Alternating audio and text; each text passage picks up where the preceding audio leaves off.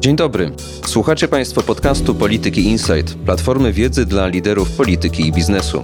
Co tydzień nasi eksperci omawiają najważniejsze wydarzenia polityczne i gospodarcze, analizują krajowe, europejskie i globalne trendy.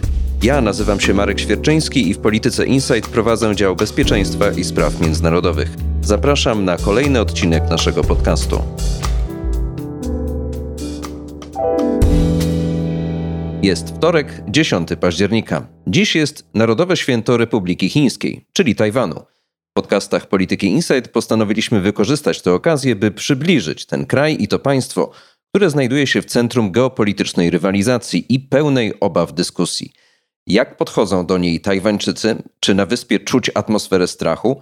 A może wręcz widać przygotowania do wojny? O tej odległej o ponad 8,5 tysiąca kilometrów wyspie będzie opowiadał doktor habilitowany Robert Rajczyk z Uniwersytetu Śląskiego, prowadzący na Tajwanie regularne badania, studia i wykłady. Marek Świerczyński, zapraszam. Moim gościem jest doktor habilitowany Robert Rajczyk, jeden z tych naukowców polskich, którzy w pracy codziennej śledzą wydarzenia na Tajwanie, śledzą tajwańską politykę, śledzą tajwańską kulturę również a także relacje biznesowe. Witam Cię, Robercie. Znamy się od bardzo dawna. Ty poszedłeś w karierę naukową. I jak ci w tej Azji? Znakomicie. Przede wszystkim bardzo ciepło. Nie trzeba dbać o okrycie wierzchnie, tak jak w Europie, tutaj u nas. Kuchnia jest fantastyczna. Powiedziałeś, że jest tam ciepło, a bywa i gorąco. I to gorąco w tym przenośnym y, znaczeniu. Żyjemy w świadomości takiej, że Chiny zadeklarowały, że ich strategicznym celem jest zjednoczenie, jak to oni nazywają. Chociaż oczywiście ty jesteś lepszym ekspertem od tej terminologii chińsko-chińskiej. I z drugiej strony Stany Zjednoczone w pewien sposób wręcz straszą światową opinię publiczną tym, że to zjednoczenie może przybrać postać gorącej wojny, inwazji Chin kontynentalnych, Chin komunistycznych na Republikę Tajwanu i że to może się wydarzyć w ciągu najbliższych kilku lat. No różne są oczywiście opinie, niemniej jednak trzeba sobie jasno i precyzyjnie powiedzieć, że Napięcia tam oczywiście są okresowo większe, okresowo mniejsze. Ostatni raz takie naprawdę solidne reperkusje związane z manewrami marynarki Chińskiej Republiki Ludowej mieliśmy w czasie wizyty na Tajwanie, pierwszej takiej od dłuższego czasu bardzo istotnej wizyty politycznej ówczesnej szefowej Izby Reprezentantów Nancy Pelosi.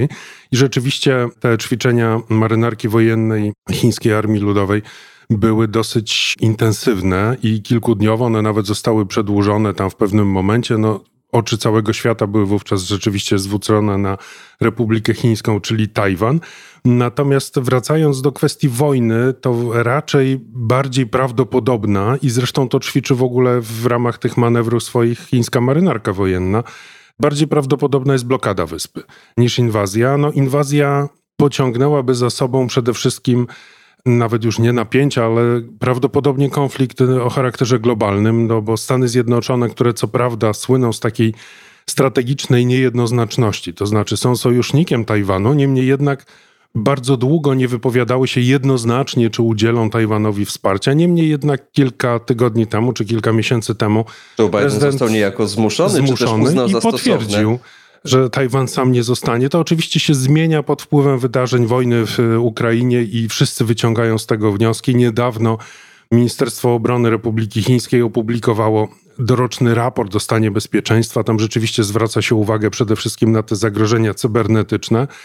Czytałem, że armia tajwańska twierdzi, że co najmniej milion cybernetycznych ataków dziennie Tajwan musi odpierać ze strony oczywiście chińskiej, to czasami są ataki na infrastrukturę krytyczną, ale to także jest wojna kognitywna, taka o świadomość, tyle że jest pewien szkopuł, który pozwala identyfikować niejako, powiedzmy, chińskie trole, czyli tą armię pięciu groszy tak zwaną, ponieważ oni na kontynencie posługują się językiem mandaryńskim w zapisie uproszczonym. Natomiast w Republice Chińskiej na Tajwanie ten język mandaryński ma zapis tradycyjny. I te znaki się dosyć mocno od siebie różnią, więc w mowie takiej potocznej, no to oczywiście różnic jakichś specjalnych nie ma, no ale tutaj mamy znaki, to już nie są litery, to są znaki, to, to zupełnie inaczej wygląda, więc łatwo te trole namierzyć, chociaż oczywiście to nie jest tak, że one są powiedzmy jakieś niefrasobliwe i nie radzą sobie z tym, ale ta wojna kognitywna rzeczywiście ma dosyć duże znaczenie.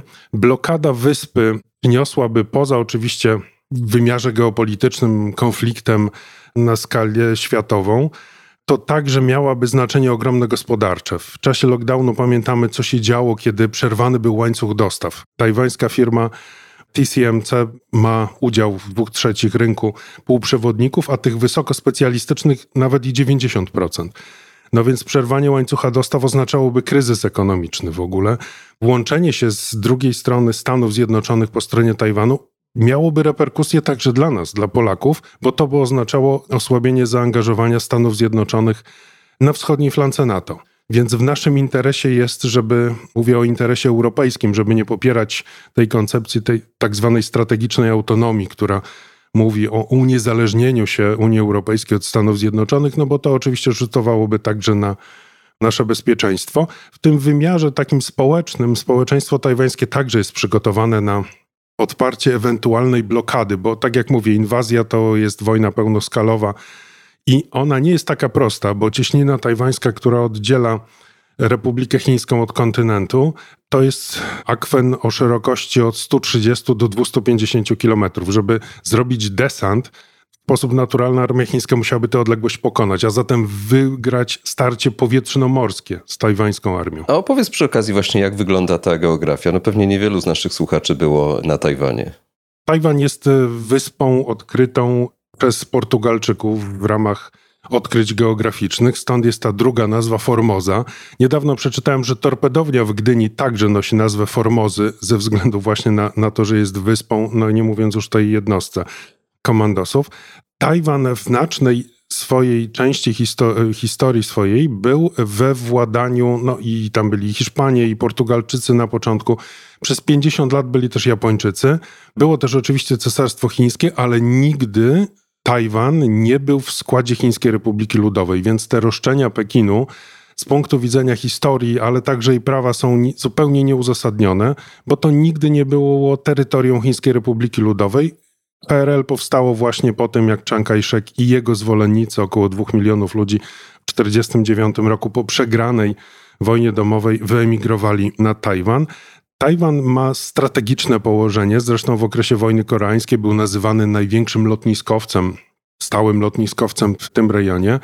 Ze względu na swoje strategiczne położenie w cieśninie tajwańskiej, przez nią przechodzi chyba jedna trzecia transportu kontenerowego na świecie, w ogóle morskiego.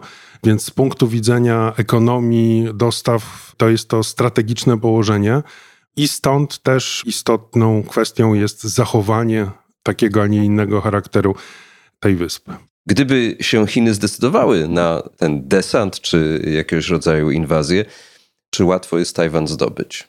Nie, z wielu powodów. Po pierwsze, od tej strony czysto geograficznej, to ewentualny desant mógłby mieć miejsce tylko właśnie od strony Chińskiej Republiki Ludowej, bo wyspa jest przedzielona dosyć mocno wysokimi górami. Te plaże, które nadawałyby się do desantu jako ewentualne przyczółki, no to są po tej stronie chińskiej. No, są miejsca takie jak wyspy Kinmen czy Matsu, z których widać po prostu przez lornetkę Chińską Republikę Ludową.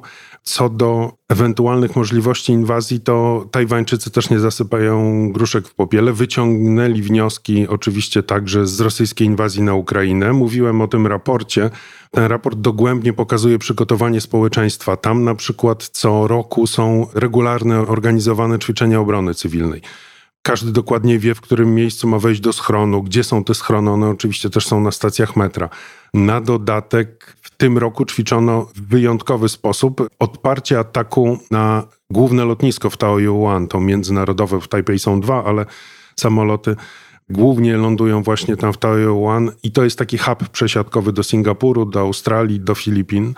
Armia tajwańska się modernizuje, wojska lądowe przy użyciu amerykańskiego sprzętu czołgów podstawowych typu Abrams. Ja nie jestem takim fachowcem jak ty, więc nie będę tutaj udawał specjalisty. Wiem, że to są czołgi Abrams. Widziałem je też na własne oczy, ale w jakim wyposażeniu, w jakim wariancie to, to niestety nie jestem w stanie powiedzieć. Obrona wybrzeża jest złożona w ogóle z 12 brygad, z takich dosyć mocno elastycznych koncepcji dowodzenia. To są samodzielne dowództwa, tak jak mówiłem, dowództwo obrony wysp Kinmen i Matsu ma w ogóle daleko posuniętą samodzielność taką operacyjną w podejmowaniu decyzji. Armia lądowa, tak jak mówiłem, to jest 88 tysięcy żołnierzy, półtora miliona rezerwistów. Od 1 stycznia przyszłego roku ma być wydłużona obowiązkowa służba wojskowa, której podlegają mężczyźni w wieku od 18 do 36 lat z 4 miesięcy do roku. Oczywiście zwiększono także żołd dla tych żołnierzy, żeby to nie był jakiś okres, w którym oni są jakoś zawodowo wykluczeni na przykład i można się zgłosić albo dobrowolnie, albo, albo obowiązkowo. No, krótko mówiąc, trzeba w tym przedziale wiekowym taką służbę wojskową mieć za sobą. 12 brygad obrony wybrzeża to jest w ogóle system brygadowy, to pewnie będziesz wiedział lepiej, jak to działa. Prawdopodobnie chodzi o zapewnienie większej mobilności, stąd też te struktury dowodzenia są oparte o ten system brygadowy. Y, lotnictwo to jest ponad 400 samolotów, 36 lotnisk i drogowych odcinków lotniskowych. 26 z nich ma pasy startowe. Jest o takiej długości, takich parametrach, że mogą z nich odrzutowce wojskowe startować, więc to są rzeczy, które jest sześć generalnie baz lotniczych. Te cztery podstawowe są na linii północ-południe, więc przygotowanie od tej strony wojskowej do inwazji jest na pewno solidne. Marynarka wojenna ma około 80 kutrów rakietowych, trzy okręty podwodne, ba Tajwan nawet próbuje zbudować własny okręt podwodny. Głównie ta obrona powietrzna składa się z tego, co pamiętam, z samolotów, które służą do przechwytywania wroga na małej i średniej wysokości. To są produkcji miejscowej samoloty, ale też głównie F-16 i Mirage 2000, ale te już z tego, co wiem, to służą do przechwytywania wroga na tak zwanych dużych wysokościach, więc przygotowanie od tej strony militarnej jest ogromne, biorąc pod uwagę również ten aspekt taki czysto społeczny, czy tak zwanego bezpieczeństwa społecznego, to na pewno trzeba powiedzieć jedno – po pierwsze, ludzi na Tajwanie, którzy się identyfikują jako etniczni Chińczycy, jest naprawdę niewielu. To podejrzewam jest góra kilkanaście procent. W ogromnej większości społeczeństwo na Tajwanie to jest około 23 milionów mieszkańców, identyfikuje się jako Tajwańczycy. Tam jest ogromnie silna tożsamość regionalna, tak moglibyśmy to nazwać z punktu widzenia oczywiście metodologii nauk społecznych, bo oczywiście nie rozmawiamy tutaj o tych kwestiach związanych ze statusem prawno-międzynarodowym. Tajwanu. Niedawne badania mówiły, że trzy czwarte popiera to trzykrotne wydłużenie służby wojskowej obowiązkowej, a dwie trzecie zadeklarowało w badaniach dla gazety Liber Times, że chwyci za broń w obronie wyspy, w obronie Republiki Chińskiej w razie zagrożenia ze strony chińskiej. Czyli oni czują odrębność, czują swoją osobność, czują swoją suwerenność są nieźle uzbrojeni, chociaż na przykład Amerykanie długo wytykali im zbyt niskie, zdaniem Waszyngtonu, w stosunku do zagrożenia i w stosunku do oczekiwanego też wsparcia amerykańskiego wydatki obronne. To prawda, tam rzeczywiście była dosyć mocna reforma wojska. Do 94 roku, jeśli się nie mylę, to było nawet i 400 tysięcy tych żołnierzy. Potem nastąpiła zmiana władzy, alternacja, bo tam są dwa główne bloki polityczne ten nacjonalistyczny, ta partia narodowa Kuomintang, z której wywodził się Chiang Kai-shek. Tyle, że paradoksalnie oni teraz stoją na bardziej prochińskich pozycjach niż Demokratyczna Partia Postępu, która powstała po tym, jak zakończył się stan wojenny i Tajwan mniej więcej w tym samym okresie co Polska, czyli ponad 30 lat temu zaczął swoją drogę do demokracji ja stawiam taką tezę, że to jest jedyna chińska demokracja, chociaż oczywiście są ludzie na Tajwanie, którzy powiedzą, że to nie jest chińska demokracja, ale powiedzmy tak, że to jest jedyna w świecie, w który posługuje się językiem mandaryńskim, to jest jedyna demokracja. Ona świetnie funkcjonuje, niebawem są wybory w styczniu. Jest czterech kandydatów. Mówiłeś, że to jest jedyna chińska demokracja. Czy to jest demokracja w takim liberalnym, zachodnim e, znaczeniu, czy to jest trochę inny, taki azjatycki model? System polityczny jest specyficzny. W wyborach powszechnych wybiera się i prezydenta, i wiceprezydenta.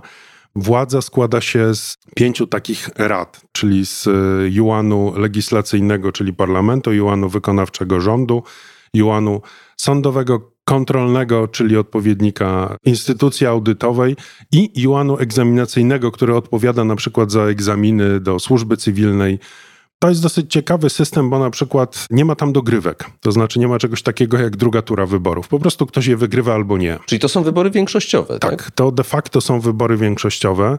Tak jak mówiłem, jest czterech kandydatów. Jest obecny wiceprezydent u boku prezydent pierwszej w historii Republiki Chińskiej, która już nie może kandydować kolejny raz, bo to jest druga jej kadencja. Jest burmistrz nowego Tajpej, który bardzo ostrożnie jako reprezentant Kuomintangu wypowiada się o tej linii prochińskiej, bardzo ostrożnie mówi o deeskalacji, o dialogu, o współpracy, ale nie mówi o jakimś takim zjednoczeniu. Notabene wracając do tego, o czym zaczęliśmy, to zjednoczenie wszystkich ziem chińskich jest wpisane do Konstytucji Chińskiej Republiki Ludowej. Czyli można by powiedzieć, że Tajwan też chciałby przyłączyć Chiny. Paradoksem tego, o czym rozmawiamy, jest to, że w 1992 roku pojawił się taka idea tak zwanych jednych Chin. To znaczy i Pekin, i Tajpej uznają się za przedstawicieli jednych Chin, ale każda ze stron może interpretować to na swój sposób. Więc generalnie udało się w ten dosyć niecodzienny sposób pogodzić te aspiracje jednych i drugich. To ma swoje reperkusje bardziej historyczne. No w tej chwili ta strona, która była do niedawna uznawana za proniepodległościową, czyli ta Demokratyczna Partia Postępowa, która jest obecnie u władzy, to tak naprawdę jest za utrzymaniem status quo, czyli tego, co jest teraz. Oczywiście za deeskalacją napięcia w cieśninie tajwańskiej to są bardzo pragmatyczni politycy, bo ta alternacja polega, że raz sprawuje władzę Kuomintang, raz raz Demokratyczna Partia Postępu, natomiast oni wszyscy są generalnie bardzo praktyczni i podchodzą do tego, co nazwalibyśmy takim pragmatyzmem w polityce. Czyli mimo tego duopolu jest jakaś strategia tajwańska podzielana przez całą klasę polityczną. Tak, oczywiście. Tutaj nie ma co do tego absolutnie żadnych wątpliwości. Pojawił się w latach 80. taki pomysł w Chińskiej Republice Ludowej zatytułowany Jeden kraj, dwa systemy. On pierwotnie był właśnie wymyślony, wykreowany na potrzeby tajwańskie. Zastosowano go przy Hongkongu w 97 i przy Makao w 99. Jak to wygląda w Hongkongu, no to wiemy dokładnie od czasów jeszcze przedpandemicznych Natomiast ta, nie chcę powiedzieć lekcja, ale wydarzenia w Hongkongu są niezwykle uważnie śledzone na Tajwanie. Mnóstwo aktywistów z Hongkongu ewakuowało się na Tajwan, żeby uniknąć represji, i Tajwańczycy doskonale zdają sobie sprawę, jak się kończy właśnie taka współpraca, takie zaufanie dla Chińskiej Republiki Ludowej. Stąd też pewnie wysokie poparcia dla, dla obrony niezależności wyspy w razie chińskiego ataku. Tajwan rzeczywiście przeżywa coś w rodzaju swoich pięciu minut na arenie międzynarodowej, właśnie z uwagi na to, że no jest to chińskie zagrożenie. I wydaje mi się, że przynajmniej w Europie te pięć minut doskonale wykorzystuje. Bo mamy do czynienia z takim zjawiskiem, że nasi sąsiedzi, Litwa, Czechy, również do pewnego stopnia Polska, coraz głośniej mówi właśnie o Tajwanie coraz większym krytycyzmem wiele krajów wykazuje się pod adresem Pekinu. Oczywiście tutaj interesy gospodarcze biorą pewnie górę wśród tych mocarstw eksportowych, no ale nie sposób tego nie zauważyć, że znaczenie Tajwanu, jego widoczność może na arenie międzynarodowej, w tym europejskiej, rośnie tak zwana widoczność międzynarodowa Tajwanu jest na bardzo wysokim poziomie. To jest oczywiście zasługa przede wszystkim klasy politycznej, nie tylko tej, która teraz rządzi, ale i poprzedniej, choć oczywiście liczba tak zwanych oficjalnych relacji dyplomatycznych Tajwanu w kadencji DPP niestety zmalała w porównaniu z kadencją poprzedniego prezydenta. Przy czym trzeba powiedzieć, że Tajwan nie ma ambasad. Ma, ale w tej chwili ma chyba tylko 13 albo 14 na świecie. A w większość jego przedstawicielstw to są tak zwane biura kulturalno... Biura przedstawicielskie Tajpej na przykład, ale to tak jest w Warszawie. Na przykład na Litwie jest biuro tajwańskie. W Czechach nie wiem, jak to się nazywa, pewnie też biuro przedstawicielskie. Natomiast na Litwie był duży problem. Litewscy dyplomaci zostali wezwani w Pekinie do MSZ-u miejscowego i Chińczycy potraktowali to jako utratę twarzy, natomiast Litwini się nie ugięli i to biuro tajwańskie tam istnieje. Mówiłem o tym pragmatyzmie. To rzeczywiście jest tak, że Republika Chińska czy Tajwan na arenie międzynarodowej występuje pod kilkoma nazwami. Najpopularniejsze to jest chińskie Tajpej. To w zawodach sportowych, w imprezach kulturalnych. Czasami jest to, tak jak w Światowej Organizacji Handlu, specjalne terytorium celne Tajwanu, Kinmen, Matsu i Pongu, czyli tych największych wysp. Te nazwy są różne, najogólniej rzecz ujmując, one są wyrazem pewnego kompromisu. To znaczy, Pekin zawsze, kiedy pojawia się słowo Tajwan gdziekolwiek, no to alergicznie bardzo reaguje. W związku z czym ta praktyka udziału Tajwańczyków jako chińskie Tajpej rzeczywiście jest rodzajem kompromisu także dla pozostałych stron stosunków międzynarodowych. Poza Watykanem to w Europie rzeczywiście Tajwan nie ma takiej prawdziwej ambasady. Głównie to są kraje Pacyfiku i też kilka krajów Afryki, ale Ameryki Południowej przede wszystkim. No jest to kilkanaście krajów, w których rzeczywiście utrzymuje realne stosunki dyplomatyczne, takie z prawdziwego zdarzenia. A w pozostałych przypadkach to są biura przedstawicielskie, które de facto są ambasadami, ale to też jest przejaw tej, tego pragmatycznego podejścia. Na arenie międzynarodowej w świetle prawa międzynarodowego Tajwan uznawany jest przez politologów za tak zwane państwo de facto. No ale biorąc pod uwagę to, że na przykład podobny status, tutaj pewnie się obrażą na mnie Kosowarzy, ale Kosowo też de facto przez niektórych jest zaliczane do, do państw de facto, mimo że ponad połowa członków ONZ uznaje Kosowo za niepodległe państwo. No, I tak się składa, że Kosowem ty się też zajmowałeś. Też się zajmowałem Kosowem, rzeczywiście. No i jeszcze Naddniestrzem przy okazji, bo te państwa są głównie na obszarze byłego Związku Które absolutnie Radzieckiego. nie jest państwem de facto. To prawda. Natomiast y, biorąc pod uwagę ten status prawno-międzynarodowy, no to o Naddniestrzu słyszymy tylko w przypadku zasady dobry news to zły news, czyli jak to, tam się po prostu coś dzieje, to on trafia na arenę międzynarodową. Górski Karabach teraz, bo znowu był konflikt, ale biorąc pod uwagę nawet pozostałe państwo, tam jest jeszcze Sahara Zachodnia przecież w Afryce, biorąc pod uwagę wszystkie te państwa de facto tak zwane, no to Tajwańczycy mają po pierwsze paszporty, które są legalnie uznawane poza siedzibą ONZ-u tak naprawdę, bo turyści z Tajwanu mają problem, żeby wejść na przykład w Szwajcarii do budynków ONZ-owskich na swoje paszporty, ale z Polską mają 90-dniowy ruch bezwizowy. Tajwan nie ma z tym problemu. Banki tajwańskie są w sieci SWIFT, więc konto z Tajwanu działa w Polsce i w każdym innym kraju na świecie, więc z tego punktu widzenia to pokazuje po pierwsze, jacy są skuteczni nie tylko w zakresie dyplomacji cyfrowej, ekonomicznej, bo są też firmy tajwańskie w Polsce przecież, ale po prostu na arenie międzynarodowej. To jest fenomen swego rodzaju, który wart jest opracowania nie tylko naukowego, ale i politycznego, bo to jest jedna z większych gospodarek światowych. Dlatego Stąd też i Czesi, i Litwini, ale nie tylko, bo i Francuzi, i Parlament Europejski przecież podjął rezolucję o, o nawiązaniu współpracy, bo pandemia tak na dobrą sprawę przewartościowała cały łańcuch dostaw i tą współpracę gospodarczą. Czy Tajwan tworzy sojusze? Jeśli tak, to z kim i co ma do zaoferowania? To są głównie projekty o charakterze regionalnym, bo tak jak mówiłem, politycy w tym państwie i generalnie mieszkańcy tego państwa są niezwykle pragmatyczni. Chociażby z tego powodu język angielski ma status drugiego oficjalnego języka państwowego, więc tam nie ma zupełnie żadnego problemu, żeby nie znając mandaryńskiego w wersji z zapisie tradycyjnym w ogóle się porozumiewać, funkcjonować i i tam wszyscy mówią po angielsku rzeczywiście, lepiej lub gorzej, ale to w ogóle dla człowieka tak jak ja, ja przyznam się szczerze, znam naprawdę niewiele słów po mandaryńsku, znaków też kilkadziesiąt jestem w stanie naprawdę, nie wiem, kupić bilet na przykład kolejowy jedynie w kasie, natomiast żadnej innej konwersacji w języku mandaryńskim nie przeprowadzę poza taką zwyczajową, kurtuazyjną. Niemniej jednak to nie jest problem dla nikogo. To są niezwykle serdeczni, pomocni ludzie. Nawet jak czegoś nie umieją, to spróbują to zrealizować, czy przy pomocy aplikacji do tłumaczenia, czy znajdą kogoś, przyprowadzą człowieka, który zna angielski. Czasami ta ich serdeczność jest niewiarygodna i szokująca, bo w Polsce trudno jest znaleźć ludzi, którzy by z tak sercem na dłoni chcieli, nie wiem, pomóc turyście odnaleźć się na przykład w Krakowie czy w innym mieście. To są inicjatywy regionalne. Ta ostatnia, najnowsza, która funkcjonuje w ramach dwóch kadencji Demokratycznej Partii Postępu, to jest tak zwana nowa polityka wobec południa. To jest kilkanaście krajów Indo-Pacyfiku, z którymi nawiązywane są ściślejsze relacje i tutaj znowu gospodarcze przede wszystkim.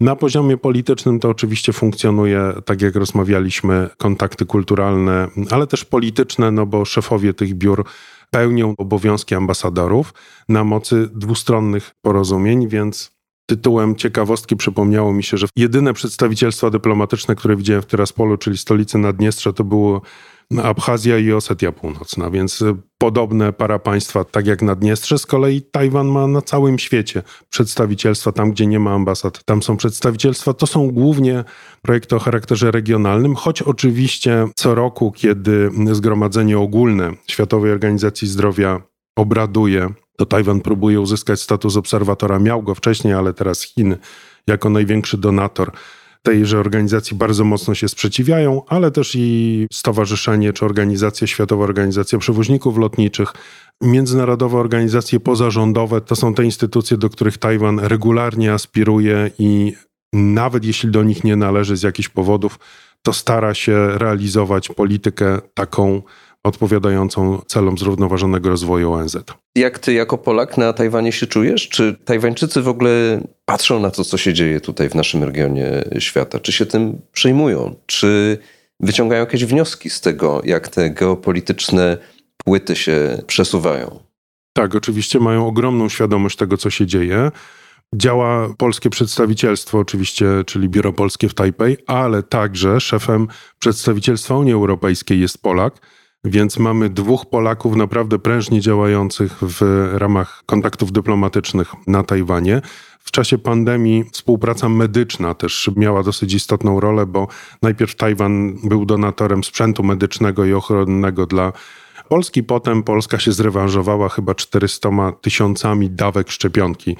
Z tego co pamiętam, no, sukcesy Tajwanu w walce z COVID-em, to, że jako pierwsi naukowcy tajwańscy odkryli, że koronawirus przenosi się z człowieka na człowieka. Poinformowali o tym WHO, ale WHO z różnych powodów zaniechało, nie wzięło sobie powiedzmy do serca eufemistycznie tych ostrzeżeń. Mieli bardzo dobrą politykę antykowidową. Przez długi czas mieli naprawdę nie więcej niż tysiąc zachorowań. W którymś momencie rzeczywiście już się nie udało, bo poluzowano na przykład obostrzenia. Tam piloci zamiast pięciu dni mieli trzy dni kwarantanny i pojawiły się problemy, ale też doskonale sobie z tym poradzili, opracowali własne szczepionki.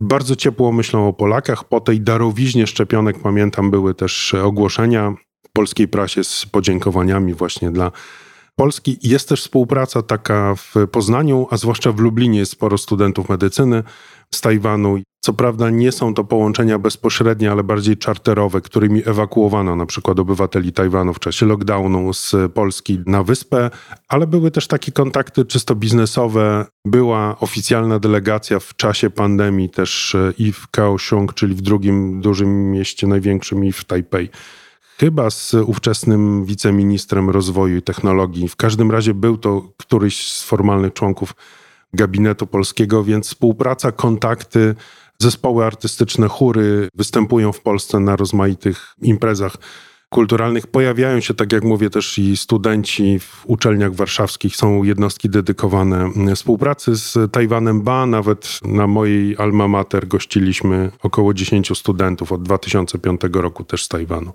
Fantastyczni młodzi ludzie, znakomicie mówiący po angielsku, głodni wiedzy, chętni do pracy, do współpracy, otwarci. Mógłbym długo wymieniać, ale nie wiem, czy mamy tyle czasu. Ale oficjalnie Polska bardzo ostrożnie stąpa pomiędzy Tajwanem a Chinami i przynajmniej w tych oficjalnych wypowiedziach na najwyższym poziomie państwowym, no absolutnie tutaj zachowuje prymat Pekinu.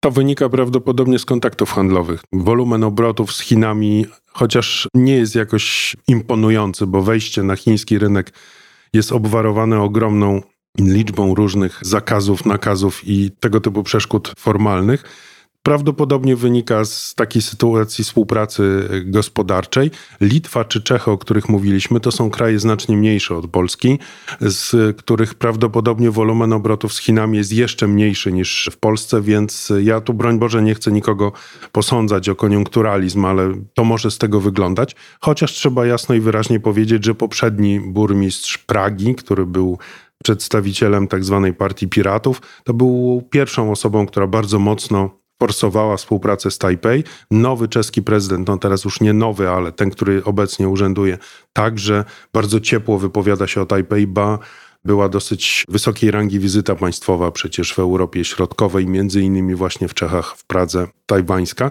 Także podejrzewam, że taka ostrożność wynika raczej z wolumenu obrotów gospodarczych. O Tajwanie, Polsce i Chinach opowiadał Robert Rajczyk. Bardzo Ci dziękuję. Dziękuję bardzo.